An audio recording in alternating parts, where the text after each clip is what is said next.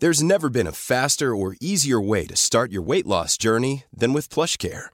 PlushCare accepts most insurance plans and gives you online access to board-certified physicians who can prescribe FDA-approved weight loss medications like Wigovi and Zepbound for those who qualify. Take charge of your health and speak with a board-certified physician about a weight loss plan that's right for you. Get started today at plushcare.com slash weight loss. That's plushcare.com slash weight loss. plushcare.com slash weight loss. Wow. Nice. Yeah.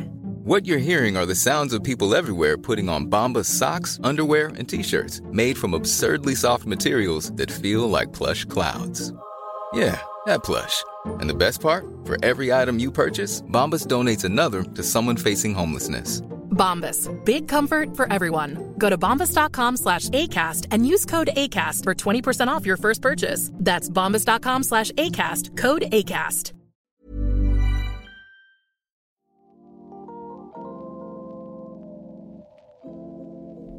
Det här är ett samtal med Fredrik Sheratsky som är talesperson för judiska församlingen i Malmö och verksamhetsansvarig för Judiskt kunskapscenter i Malmö synagoga. Vi talar om situationen för den judiska minoriteten i Malmö som ju varit omskriven i mer än ett decennium på grund av trakasserier som eh, minoritetens medlemmar har utsatts för. Eh, det arbete som församlingen har försökt göra tillsammans med kommunen och politiker för att förbättra läget för den, den lilla minoriteten. Det är en berättelse om, om 2000-talets Sverige, hur, hur minoriteter trots eh, stora ansträngningar från politiskt håll för att motverka rasism eh, och förtryck så pågår det fortfarande. Och det är en, en sorglig påminnelse om att de problem som uppstår inte alltid är de man förväntar sig. Det här är ett avsnitt av Samtal med Svejman. Eh, nya avsnitt kommer varannan vecka. Det här är årets sista avsnitt. Mycket nöje. Det har skrivits och sagts mycket om Malmös judiska församling, även i rikspress och internationellt det senaste decenniet. Det, det kommer och går, det har väl ofta att göra med, med antisemitism i offentligheten, i, på skolor, eh, när den drabbar församlingsmedlemmar och judar i Malmö. Vad tänker du om den här rapporteringen? Tycker du den har varit rättvis? Har den motsvarat verkligheten? Vad, vad är din bild? Både och. Eh, under en period så var den väldigt eh, eh överdriven så tillvida att man skrev till exempel att judiska församlingen var belägrad, att man kastade stenar mot judiska församlingen och så vidare. Att, eh, jag, jag minns en journalist som i princip kom hit och hade redan storyn klar. Eh, och när jag ville berätta om allt det arbete vi gör för att motverka det och de, det, de olika de dialogarbete, det dialogarbete vi utför och så vidare så var det inte lika intressant. Så det kan man säga de exempel på när man liksom redan har skrivit sin berättelse innan. Men jag tycker samtidigt har det varit en del väldigt bra artiklar. Jag tyckte det var viktigt att få ut det här. Som jag brukar säga, sanning är tillräckligt eh, eh jobbig och obehaglig utan att vi behöver överdriva. Mm. Och under de här, för jag tror det, när började egentligen den mer nationella rapporteringen kring situationen för judarna i Malmö? Var det i samband med tennismatchen? Ja. När var det? Början av 00-talet någon gång? Va? Jag tror det var 09. Jag tror då började det, men man kan säga på riktigt började det eh, i januari 2010, för då kom en serie med artiklar eh, det hade varit en hel del skriverier innan men då kom fem artiklar, jag för mig, i Skånska Dagbladet som skrevs av en journalist där. Och eh, där trädde, kan man säga, vi, församlingsledningen fram och jag var med också i det. Eh, och med ansikte och allting om man säger så, utan att vara anonyma och pratade om det här. Och man intervjuade bland annat eh, en familj som hade bestämt sig för att flytta från Malmö, i det här fallet då flytta till Israel, för att de inte ville att deras barn skulle växa upp i Malmö. Eh, och jag tror efter det så blev det en eh, reaktion. Jag vet att The Local, den här tidningen som skriver på engelska, har jag för mig, för utländska folk som bor i Sverige som eh, läser på engelska och även utlandet. Och den, den artikeln fångades ju upp, för jag frågade de journalister som ringde mig sen, den plockades upp av eh, medier från i stort sett hela Europa eh, som ville besöka Malmö. Och, och, jag var i kontakt med de flesta av dem. Eh, så det blev, eh, då blev ju Malmö eh, ganska känt som en stad med antisemitism. Och under de här, ja, vi, vi snackar väl nu en tidsspann på ungefär 13 år. Det, har, det kommer ju och går berättelser för, för mig som bara besöker Malmö så det låter ibland som att på något sätt är ni extra olycksdrabbade för att vara en, en, en religiös församling i Sverige? Eller, eller tror du att det har blivit på något sätt för att det en gång blev uppmärksammat, antisemitismen, så har det liksom på något sätt varit ett, ett, ett praktiskt exempel, eller vad tror du? Ja, eh, delvis det. Jag tror också det att det är ett, ett väldigt bra exempel. Malmö är en stad Eh, med eh, väldigt många minoriteter. Det är en invandrarstad. Vi bor tätt inpå varandra. Det är en väldigt tät stad. Det finns liksom inte de samma förorter som det finns i Stockholm med satellitförorter och så vidare. Så att eh, eh vi, vi möts och vi, vi, kan man säga, vi gnits mot varandra om man vill använda ett sånt uttryck. Men alltså man möts på, på stan och i skolan och så vidare. Va? Och, och det är klart att då ökar ju chansen att eh, konflikter också kommer upp till ytan på ett annat sätt. Och som judar, vi är en liten minoritet här. Och vi har ju känt av det direkt. Och det har varit liksom kan man på sätt och vis tacksamt eh, för omvärlden att titta på Malmö. Man har använt Malmö också generellt sett som ett exempel på, och det, vi ska inte, jag vill inte komma in på den diskussionen allt för mycket med det här med multikulturalismen som projekt och så vidare. Men för oss så har, eh, har vi upplevt att Malmö är, har blivit liksom en symbol för eh, antisemitismen i Sverige och viss mån också i Europa. Även om jag menar att eh, på många håll är det värre i, nere på kontinenten. Va? Om man tittar på vad det är för typ av incidenter som har skett. Gudskelov så har vi, inte, har vi varit besparade för eh, den typen av händelser som har skett. Eh, bara vår närmsta granne Köpenhamn och om man tittar på Bryssel och så vidare. Va? Eh, så att, du, så att, du tänker på, på, på våldsdåd med våldsdåd. dödlig utgång? Ja, Mm, mm. Det är knappt så jag vill, uh, vill nämna det för att jag känner, jag, vill inte bes, jag vill inte besvärja det, men det är ju så. Va? Det, är, mm. det är ju så. Uh, um, och, och, därmed så kanske man eh, tycker att ja, men då är det väl inga problem på andra ställen. Men det, så är det ju inte. Antisemitism finns ju även om det inte finns judar på plats. Va? Och det har vi ju sett många exempel på. Eh, att man uttrycker hat. Eh, men, men eh, ja, men det betyder inte att, det, alltså när jag berättar detta så betyder inte det att, att jag vill eh, tona ner det utan snarare säga att eh, Malmö är tacksamt ur det perspektivet. Men det, det, det finns ju en sanning. Och sanningen är att vi har tappat medlemmar i vår församling på grund av det här, som vi har sagt, direkt eller indirekt av antisemitismen i Malmö, att folk har flyttat härifrån. Man har inte sett att eh, det finns en framtid, att man, man har inte sett att det finns en möjlighet att... Att man vill inte bli ett experiment, så att säga, eh, med sina barn. Eh, ett Samt, experiment, hur då? Vad menar du? I den bemärkelsen att eh, ja, men vi ska, det här kanske kommer att gå ändå. Och om vi sätter dem på den här skolan så kanske det funkar och så vidare. Eh, man har inte velat, eh, man har känt att nej, jag vill inte ta några risker med mina barn utan då flyttar jag hellre till Stockholm. Vi kan börja med Stockholm där det finns en judisk skola. Eh, jag vill inte att, alltså man vill inte att barnen ska riskera att bli utsatta för trakasserier. Samtidigt så vet jag att det här är ju inte bara, existerar ju inte bara i Malmö det här. Va? Alltså det här finns ju på andra orter eh, inte minst mindre orter där det råkar finnas judar, bo judar som har blivit utsatta för trakasserier. Jag har hört berättelser om detta. Va? Mm. Det räcker om, man behöver inte ens eh, så att säga vara jude enligt judisk lag. Det räcker med att man har en judisk, någon form av judisk anknytning för att man ska känna av det här. Va?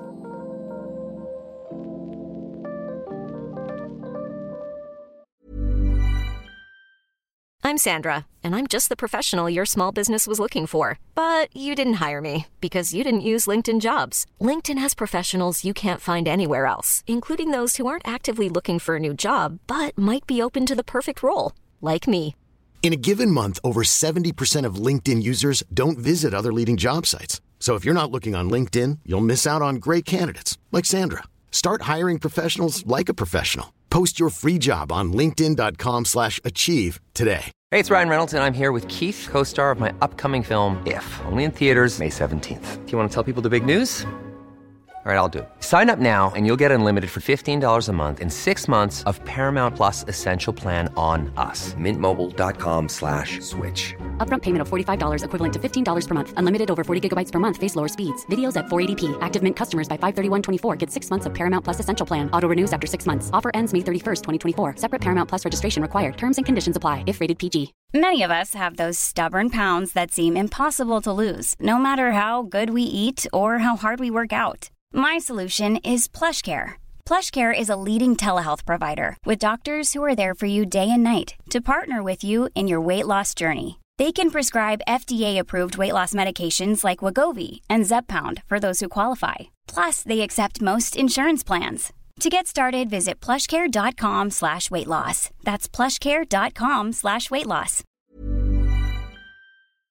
Vi, vi, vi pratar ju lite på något sätt lite i abstrakta termer nu. Men, men, men för många som, som kanske lyssnar på det här som vagt känner till att ja men det här har hänt. Men som kanske inte läste vad som stod i Skånska Dagbladet för 13 år sedan eller som har följt det. Vad, vad, vad är det för händelser som har motiverat att folk har flyttat antingen till Stockholm eller till Israel eller och så. Vad, vad, vad är upplevelserna? Liksom, vad konkret är det som så att säga, är den här mani manifestationen av antisemitismen?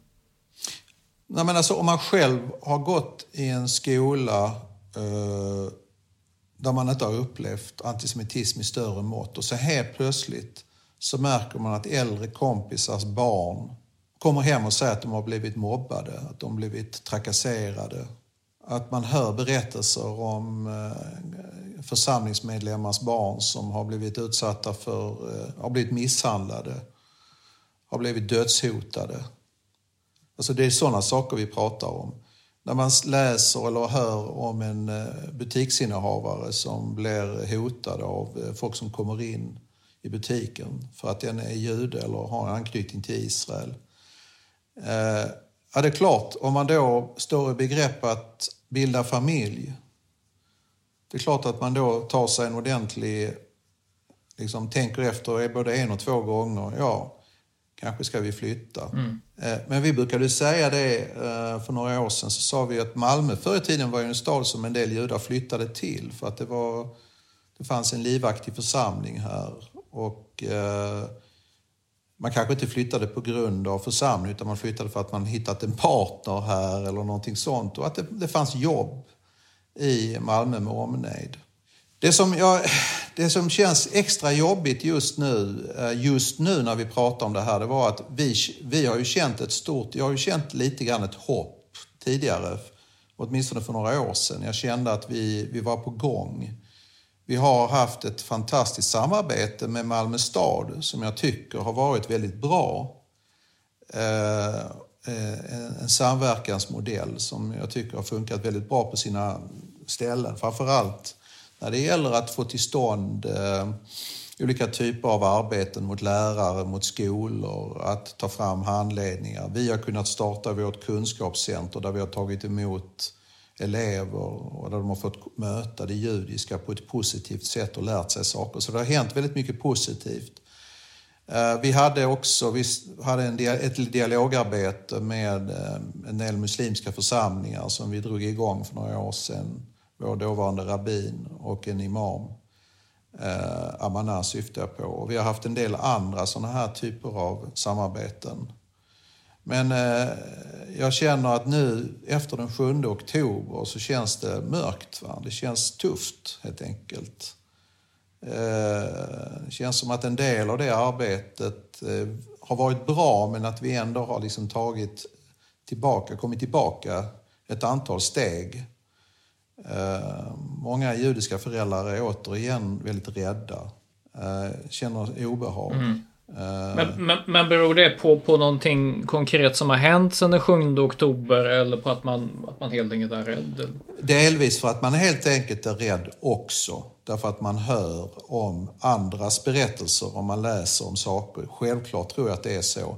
Men också om konkreta saker som händer i skolan där klasskamrater på, klass, på raster eh, tar upp den här konflikten och använder den som någon form av slagträ. I, alltså det kan ju vara ett verbalt sådant, att man liksom till exempel, vem håller du på? Vem står du på? Och, och liksom retar den judiska eleven. Det kan vara eh, slagord som skriks i, i skolan och så vidare.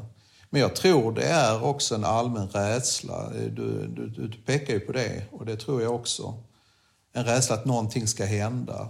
Och det i sig räcker ju många gånger. Va? Mm. Det vill säga att man har minnen hur det har varit tidigare. Man har minnen hur det var kanske för tio år sedan eller för fem år sedan eller någonting sånt. Va? Och, och så vill man inte att det här ska hända igen. Mm. En viss förståelse, en del lärare som kanske visar en förståelse för att en del elever blir arga eller tar ut ilska någonstans. Va? Om du förstår vad jag menar. Nej, kan du, kan du eh, förklara? Nej, att eh, relativisering. Att ja, men du måste förstå att det här är inte lätt för den här eleven, han eller hon har släktingar där nere. Och, och ja, det är klart. Mm. Att folk bär på ilska. Jag, jag tar inte ifrån folk att folk kan känna ilska. Men då är ju läraren och då är skolans uppgift att gå in och hantera det här. Va? Så att det inte går ut över ja, judiska elever helt enkelt. Mm. Det låter ju som att när det här går lite grann i vågor så blir det värre i samband med det som händer i Israel, Palestina. Det, att det, det tycks ju kopplat till, ja. till utrikespolitiska händelser. Är det, är det så utesluten? För jag tror att ibland har det varit svårt på något sätt att att antisemitismen beskrivs ibland som en sorts universellt fenomen som har funnits i alla tider och så vidare. Och det stämmer ju. Men det verkar ju vara ett kopplad väldigt mycket till utrikespolitiska händelser. Jag tror att de triggar, de triggar det i alla fall. Antisemitismen som fenomen finns och sen triggar de här händelserna antisemitismen. Och då beroende på vad det är för typ av händelse så, så blir det den typen av frågor, den typen av så att säga, man, man framar det, man lägger in det i den här, det som händer till exempel, ja men ni judar dödar ju barn just nu. Va? Då är det, det är ett sätt att säga det på till exempel. Uh, men det är precis som du säger, det är, när det händer, och det har vi ju sagt nu väldigt länge, att när det händer någonting, när det är det här kriget, till exempel det här kriget som pågår just nu, och det har skett andra sådana här konflikter, då då märker vi hur eh, det händer någonting. Mm. Va? Eh, dels blir judiska judar rädda eller tycker det är obehagligt och dels så känner vi också en ilska. Hur, du, du berättar om, om enskilda personers eh, upplevelser. Eh, affärsidkaren, elever, föräldrar som, som kanske planerar, eller kommande föräldrar som, som tänker att ska vi... Men sen har vi också församlingen som en sorts kollektiv gemenskap. En sak jag inte nämnde var ju, en, som är kanske det mest, som jag tycker det mest sorgliga, det är ju att judiska elever döljer sin identitet. Det är för att undvika det här, det vill säga att man berättar varken för sin lärare eller för sin omvärld att, de är, att man är jude. Man hittar på att man är något annat, att namnet man har är vad det nu är, polskt i mitt fall då, va? eller att man är man döljer, man har inte med några judiska symboler. Det finns ingenting som man bär mm. eller på något sätt identifierar en med, jud, med jud, jud, det judiska och ännu mindre med Israel. Vilket jag tycker är fruktansvärt egentligen. Mm. I ett demokratiskt fritt samhälle som vi lever i.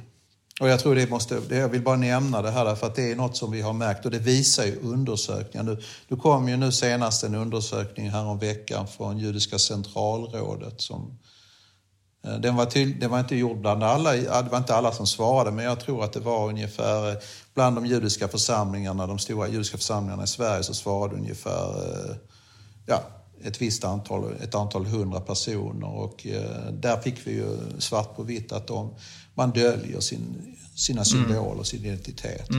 Du var på väg att ställa en fråga. Ja men precis, vi, vi- vi var inne på hur, hur, hur det har varit för enskilda personer och det verkar vara mycket skolor, familjer.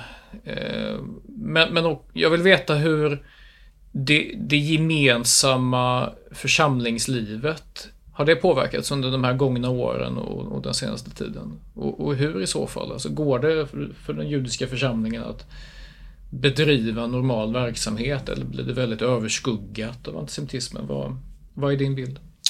Jag tror när det inte har varit någonting som det är just nu så tror jag faktiskt att man nästan har eh, sk- ganska skönt nog har en, en eh, lite glömska, om du förstår vad jag menar. Man kör på. Va? Men med någon form av grundsäkerhet som alltid ska finnas där, för vi har en säkerhetsorganisation. Men att man på något sätt säger, nu kör vi. jag menar, det judiska kännetecknas ju ändå av en bejakande av det glädje och, och liv och att vi firar våra fester och vi har aktiviteter för barn och ungdomar. Men sen händer någonting som nu och då helt plötsligt så är det direkt över, så då överskuggar det givetvis ganska mycket det mesta. Åtminstone blir ju säkerhetshänsynen väldigt, väldigt viktiga, ännu viktigare nu. Va? Och, och med all rätt. Alltså det, det har jag full, förståelse för. Och att en del drar sig för att komma till vissa arrangemang, att man känner, man gör, börjar göra sådana överväganden. Ja, men ska jag verkligen gå till det? Vad kan det innebära? Eh, Ja, du förstår vad jag menar. Det här. Ja, men betyder det att vi måste gå från den platsen till den platsen? Då exponerar vi oss. Är det inte bättre att vi bara är där? Alltså det blir hela tiden sådana tankegångar. Nej, ja, då kommer inte jag, säger kanske någon då, för att det är för... Det känns inte säkert. va? Eh, nej, inte med mina barn. Trots att det är säkert kanske.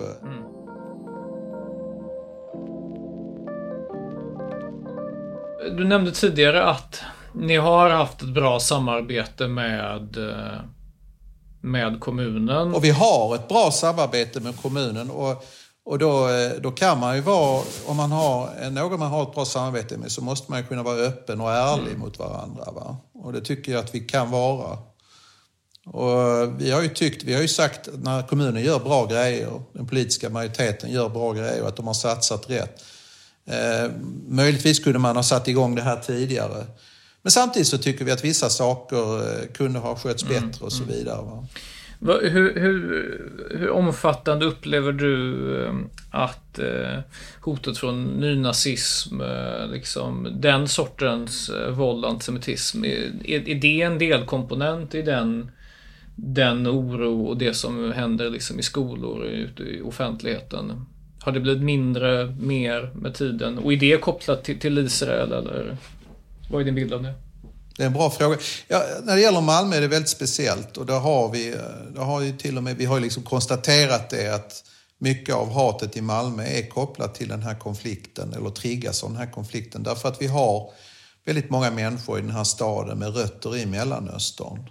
Eh, och det är klart att de, de, de, de yttringar och, och eh, de, det som händer Eh, mot judar i Malmö. Många gånger när det gäller den här kan man säga det öppna och det här skolgårdsmässiga, skolgårdsantisemitism. Det kommer tyvärr ifrån barn och ungdomar med rötter från Mellanöstern. Eh, men vi ser också, och det är någonting som våra, våra barn och ungdomar, ungdomar pratar om, att även bland vanliga blonda svenska, svenskar så att säga så finns de här konspirationsteorierna va? Som, som frodas på nätet och som nu efter den 7 oktober har fått sig en rejäl skjuts uppåt. Va? Eh, med, med judisk, där man liksom har föreställningar om judar och eh, sionismen som någon form av världs, världsmakt. Va? Och det här frodades också under eh, pandemin. Så det, har vi, det vet jag att det har, när vi har pratat med våra för nu talar vi om barn och ungdomar för det mesta, men jag menar, det märker ju jag även när jag går ut på nätet. Så, att eh, den, den, den, finns där. Va? Det är antisemitism som, ligger, som vanliga svenskar ger uttryck för, alltså etniska svenskar. Eh, och det finns ju där också, men, men tyvärr är det så. Jag brukar kalla det att vi har problem med våra kusiner. Mm. eh, och, och, eh, och, vi har ju haft den attityden att vi har faktiskt en hel del gemensamt. Och, eh, och, och vi har haft den attityden också att vi får tycka vad vi vill om konflikten där nere. Men här, vi bor i Malmö och mm. vi måste kunna umgås med varandra. Vi måste kunna se oss som Malmöbor först och främst. Och behandla, det, är, det, är liksom det, det har varit, det är liksom det som är det, det huvudbudskapet som vi har pratat mm. om hela tiden. Men, men, men trots att ni har den, får man väl ändå säga, väldigt försonliga inställningen givet att det har varit rätt tufft i synnerhet för enskilda personer och kanske enskilda elever som döljer att de ens är judar. Mm. Och trots att det har funnits framgångsrika samverkansprojekt med kommunen, typ av dialoger, utbildningsinsatser och så vidare, så tycks det som att problemet inte försvinner. Nej. Men det som till viss del i alla fall försvinner är ju de personer som vill leva obehindrat som judar i Malmö. Mm. Det som skrämmer mig lite då, det är när jag hör, eh, det här är ju anekdotiskt, när jag hör folk berätta om middagar som har varit på ibland Stockholmsjudar där de ungefär sitter och diskuterar om de ska flytta härifrån. Jag menar, det blir lite om... Okej, okay, det är anekdotiskt, men det var en kollega, en, en kollega i församlingen som berättade om detta. Va? Att det, det är det här, det här övervägandet. Och det här bekräftar också den här rapporten nu att det här är någonting som faktiskt övervägs. Och det tror jag inte bara är Malmöjudar utan även andra. Mm. Vi var tvungna att stoppa in det. Så att det, det här är, ja, det är, tror jag, en realitet just nu faktiskt. Kan, kan, du förstå de som, som tänker så? Har du själv tänkt så? Ja. Jo, men det har jag. Och hur har du tänkt då? Nej, men alltså, det kommer upp och då tänker jag, vad ska jag göra nu? Och hur länge ska jag fortsätta med det här om det fortsätter så här, om det blir värre? Um, vad är mina options? Alltså då kommer vi in i eh, rent så här praktiska saker som yrken och vad man kan, vad kan man jobba med? Vad, ska jag, var drar vi? Var har vi chansen att kunna försörja oss? Och, eh, alltså vi ska ju ha det, ska man flytta, det är liksom inte krigstillstånd. Men det är ändå så att man tänker så, man börjar titta och fundera. Men, men är det inte... Jag vet, du, du slår mig som väldigt eh, liksom, envis, arbetsam. Ändå. Du verkar ha en optimistisk grundsyn, du har jobbat hårt med de här frågorna. Du, du, vissa är ju bara superpessimistiska och tycker att kommuner och politiker, de gör ingenting. Men liksom, du, du verkar på riktigt ha viss tillförsikt och, och ändå tänker du de här tankarna om att ja, man, blir det värre så kanske ja. man skulle dra. Ja, men det är väl klart. Ja, man är inte endimensionell. Det är klart att man eh, tänker så också. Det vore ju, det vore ju ljuga om jag skulle säga nej, men nej, det är bara det är nothing to look at here, keep on. Det är en allvarlig situation just nu och då kommer sådana här tankar upp. Eh, vi får ju se, alltså det här är ju... Eh, jag hoppas och tror ju givetvis, jag hoppas snarare att, att vi kommer kunna vända det här. Eh, därför att då är det, för att citera en känd statsminister, då är det fara och färde. Om det, här, om det blir så här att judar i Malmö flyttar härifrån, eller resten av Sverige för den delen, att det judiska livet i Sverige, inte bara Malmö utan resten av Sverige tunnas ut. Va? Eh, det, det vore ju en förlust framförallt för Sverige, mm. inte bara för Malmö. Jag vill betona det. Tror du det är folk i Sverige generellt förstår att det finns en minoritet, visserligen en väldigt liten minoritet, men ändå faktiskt en av de nationella minoriteterna, där det finns så pass många, vilket den här rapporten som du hänvisar till, alltså från Judiska centralrådet, att det är ändå rätt många som överväger att på riktigt att emigrera på grund av hot, en känsla av utsatthet, att man behöver dölja sin identitet. Tror du Tror du folk förstår detta? I samhället som helhet? Eller, eller känns det helt väldigt ensamt Eh, Jag skriver ju om en del om det här, så jag tänker ju att alla förstår det här, men, men jag, jag är ju säkert, jag är ju partisk förstås. Jag är inte så säker på det. Delvis, en del tror jag förstår det. De som är, läser och som är insatta och som tycker det här är viktigt. Men jag tror van, svensken i gemen, vad det nu är för någonting som är en svensk i gemen idag, vet jag inte. Och en del kanske inte bryr sig. Nej. Men andra bryr sig nog. Jag vet att när jag började berätta om det här i Malmö för en del bekanta till mig och arbetskamrater och sånt eh, så var det nästan som de inte trodde mig i början. Att Nej, men så illa kan det inte vara. Okej. Och nu då? Ja, nu tror jag att alla att Malmöborna är nog ganska medvetna om situationen. Ganska många Malmöbor. Det tror jag. Den bilden har jag. Men jag kan ju inte svara. Alltså, ja, det är omöjligt. Då skulle man behöva göra en undersökning om det här. Va? Men jag, jag, vill, jag menar att vi är en så liten grupp. Det skrivs ju väldigt mycket om judar eftersom det skrivs ganska mycket om Israel. Och, och man ser judiska teman givetvis på olika sätt i, i, i kultur, i, alltså i, i kul, film och musik och kultur och så vidare. Men det är oftast en helt annan berättelse det handlar om. Va? Eh, utan det här, är- det tror jag just den här biten kring hur judar känner sig i Sverige. Ja, det tror jag har sjunkit in hos en del av svenskarna. De som verkligen är intresserade av det. Men väldigt många tror jag inte är medvetna om det.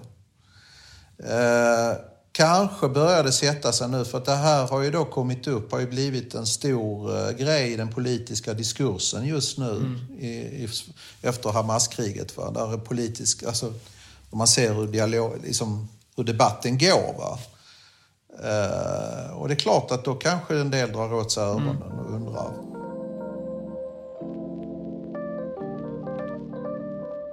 Jag får pröva en, en teori på dig för att eh, jag, har återkommande skrivit om, om det här så länge jag varit på Göteborgs-Posten. Eh, och i synnerhet efter att synagogan i Göteborg attackerades 2017 med brandbomber. Eh, och mitt intryck är som följer. Det finns inga större problem med att uppmärksamma och Eh, förfasas över antisemitism när den kommer från högerextremt håll. Det finns på något sätt en, en, en medvetenhet, en historisk kunskap och en, en klarhet när det kommer till att markera mot den och, och så. Men när den inte kommer från högerextremt håll, då blir det direkt lite komplicerat eh, och politiskt laddat. Och även om man inte vill direkt förneka det, för det tycker jag inte att det görs, så blir det komplicerat för man är orolig att det ska utnyttjas politiskt. Och därför så blir det inte så mycket diskussion kring det. Och, och därför har man kanske svårt att, att tydligt eh, identifiera vad beror det på, varför händer det i skolor i, Malmö liksom och så. Det, det är min teori för att eh, rätt många som svarar på mina texter om det här vill så att säga skjuta uppmärksamhet åt annat håll. Ehm, och, och det tror jag är ett av skälen till att det därför blir svårt att förstå vad det här beror på och också hur det kan lösas. Mm. Vad, vad, vad tror du? Jo, men så är det ju. Jag tror att det är så. Det är väldigt jobbigt när det är människor från tredje världen som står för det. Eh, och att judar är en privilegierad grupp. Va? Vi är väl det. Vi vita och så vidare. Om vi nu ska använda de här eh, gängs eh, maktanalysen som finns i en del nu för tiden. Så att, och då är det jobbigt. Men jag, jag, eh, jag, tror, jag trodde i och för sig, jag tror att en del av det har passerat. Jag tyckte att eh, Stefan Löfven gav ju uttryck för det när han sa som det var och eh, om de här problemen för några år sedan med, med var antisemitismen kommer ifrån. Och jag tror att han fick ju väldigt mycket, fick ta extremt mycket aggressivitet och inte bara kritik utan väldigt mycket hat på sociala medier när han pratade om det. Man vill inte ställa grupp mot grupp, är en sån här klassisk eh, fras. Eh, har vi fått höra. Eh, och, och ja, det vill man inte. Men ibland måste man ju Nej. säga hur problemet är för att man ska kunna göra någonting åt det. Va? Och det, det, är det man, och jag tror också att det har varit så att man tror att då går man något partis ärende eller vad det nu är man tror. Och det, ja, jag vet inte. Jag, jag, än en gång, för mig är det en ganska stor självklarhet att man måste prata om det här på ett seriöst sätt mm. och på ett sätt där man verkligen försöker ta tag i problemet. Och då måste man först och främst konstatera vad beror det på, vem är det som utsätter vem och hur kan vi komma till, få bukt med det här. Va? Mm.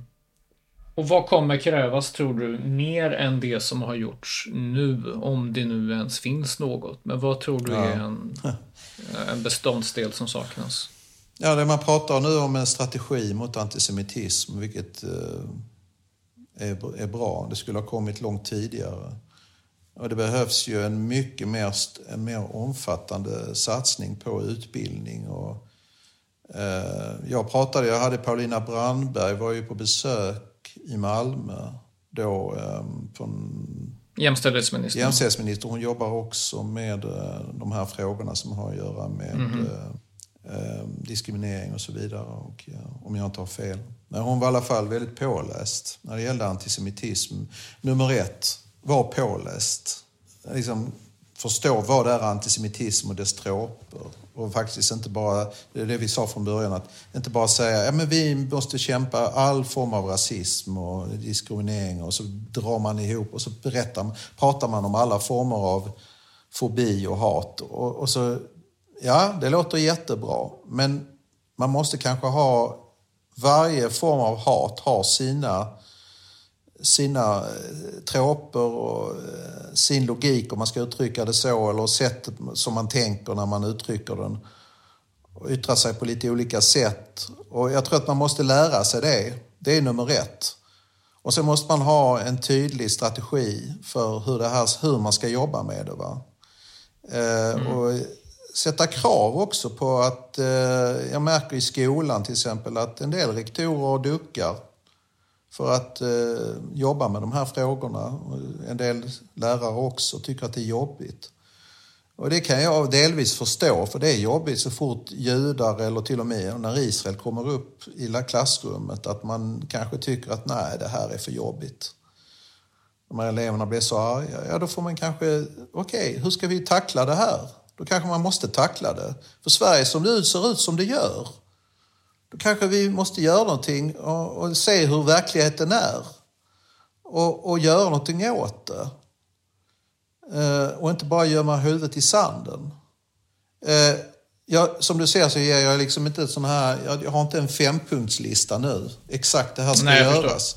Men jag tror att det handlar om en medvetenhet, inte bara fagra ord som vi brukar säga. att jag vet att på Förintelsens mm. minnesdag nu för tiden i Malmö så vi som eh, i den här lilla kommittén så har vi sagt att ja, vi väntar lite med politiker nu för varje gång vi har politiker hos oss så berättar de alltid hur mycket de står emot antisemitism, allt de vill göra och så vidare. Och sen så, i en del fall så känner vi att det var bara massa ord. Uh, vi vill, alltså Man vill inte bli besviken ännu en Nej, gång. jag vill inte bli besviken. Och det finns en stor vilja. Jag, jag vill, måste understryka det. Det finns en medvetenhet nu i alla fall och det är bra. Mm. Det, det, måste jag ju säga. Där är det inte nattsvart. Nej. Absolut inte. Men bara häromdagen så var det ju ett fall som, som togs upp i Sydsvenskan, apropå det här med skolor och rektorer. Det var en rektor som det hade varit några elever som hade sagt att alla judar borde dö och så hade rektorn låtit bli att polisanmäla. Det är hets mot folkgrupp faller det väl under, trots att det är rutin. Och det var, citat, för att det skulle inte gynna situationen eftersom många mm. är ledsna och arga just nu. Mm. Och det, det, låter ju som någon sorts, på något sätt, skademinimering. Att ja, visserligen, det var ett brott, men skulle vi polisanmäla så skulle situationen bli än värre. Mm. Så att vi behåller hellre lugnet mm. och tolererar det här snarare än att agera. Mm. Förstår du den här rektorn? Hur du, rektorn resonerar? Mm. ja. ja, jag förstår den logiken men det är ju helt fel. Mm. För då går det emot allt som vi har sagt i Malmö. Allt det som vi har jobbat för att det inte ska vara, nämligen nolltolerans mot antisemitism, antisemitism var än den finns ska motverkas. Vi ska ha ett, ett arbete mot det. Och det ska involvera hela skolan. Det är liksom det som var grejen med vårt samverkansarbete. Förutom det rena, liksom, vad ska man säga, allt som har att göra med eh, principer och värdegrund och allt det här som, mm. som finns. Va? Som, som, mm. Så är det något som vi i Malmö har sagt att det här måste vi ta tag i. Mm. Och ser man det där så är det ju helt fel. Va? Därför att då, är, då måste han, alltså jag kan inte gå in, först och främst så är det det, är det som stod i Sydsvenskan. Och, och, jag kan inte veta om det exakt gick till på det här sättet. Jag har inte sett uh, uh, incidentrapporten. Mm. Uh, men om det bara, som jag sa till en kollega, om det bara var hälften så mycket som, som stod i tidningen så är det hemskt nog. Mm. Så att självklart så var det fel. Mm. Men det betyder inte att rektorn är dum eller att rektorn är en ond människa eller någonting sånt. Va? Utan det handlar helt enkelt om att det här måste man prata om. Det här måste man så att säga sätta grunden för. Och gör man inte det så agerar man på det här sättet. Va? Det är fight or flight. Vi, vi kan, det här blir för jobbigt. Mm. Ja, det, det känns ibland som att det har varit väldigt mycket prat om att motverka diskriminering och rasism i Sverige. Ja. Och, ja. och jag tror kanske att vissa tänkte att det är billigt. Alltså, ord är ju billiga. Eh, ja. men, men ibland kostar det någonting. Att stå upp, stå upp för det som är rätt. Ja, det kostar någonting att stå upp för det som är rätt. Det kostar tid, energi och att man kan möta aggressivitet och då måste man få hjälp att hantera det. Jag tycker den läraren och den rektorn borde få hjälp. Mm. Stöttas. Uh, ja, alltså det, det, det är så himla lätt och så säger man, ah, titta här och det var en dålig, ja det kanske är en dålig rektor, jag vet inte. Men jag tror att det, det handlar om en attityd som ska omvandlas i handling. Det ska liksom, man ska jobba med det på ett konkret sätt. Mm. Eh, och, och, och, eh, man ska träna på det också. Mm. Det är ju det man gör. Eh, om man vill lära sig agera på rätt sätt så måste man träna på det. Vad händer om det här händer? Vad gör vi då? Sånt tränar vi ju i, när vi ja, när man gör lumpen eller ja, det var kanske ett dåligt exempel. När man liksom tränas för ett yrke eller man jobbar med någonting där man ska kunna lära sig hantera saker. Eh, då lär man sig eh, hur man agerar vid vissa situationer. Och det här är en sån situation som är ganska reell, tyvärr, i Malmö skolor. Att man kan reagera över någonting sånt här. Och hur hanterar man det? Eh, och, och det här var ju, som sagt, om det är så som det står så var det ju flagrant mm. antisemitiskt. Mm. Vad, vad tror du eh, framtiden bär för den, den judiska minoriteten i Sverige? Vad, tror, du, tror du det här vi befinner oss i, som land, Sverige, är ett vägskäl nu? Att, att vad som görs nu eller inte görs nu kommer vara avgörande för och då är väl kanske Malmö står väl på något sätt längst fram och kanske påverkas mest direkt. Men tror du att det som händer nu eller inte händer nu är avgörande för den judiska minoritetens framtid i Sverige kommande århundradet?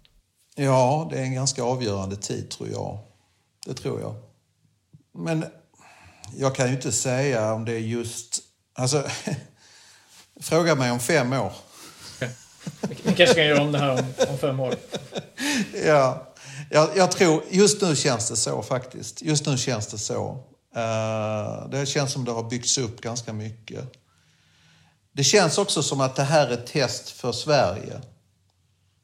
Uh, det här är ett test för Sverige, inte bara för Malmö. Utan det är ett test för Sverige det här. Mm. Fredrik, tack så mycket för att du ville prata med mig om det här. Tack.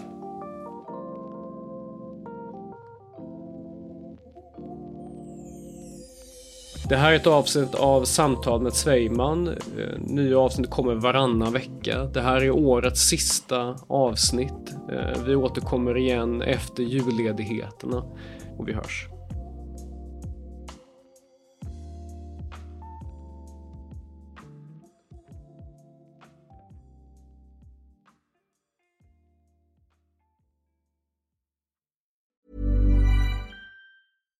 When you make decisions for your company, you look for the no-brainers. And if you have a lot of mailing to do, stamps.com is the ultimate no-brainer. It streamlines your processes to make your business more efficient, which makes you less busy. Mail checks, invoices, legal documents, and everything you need to keep your business running with stamps.com. Seamlessly connect with every major marketplace and shopping cart.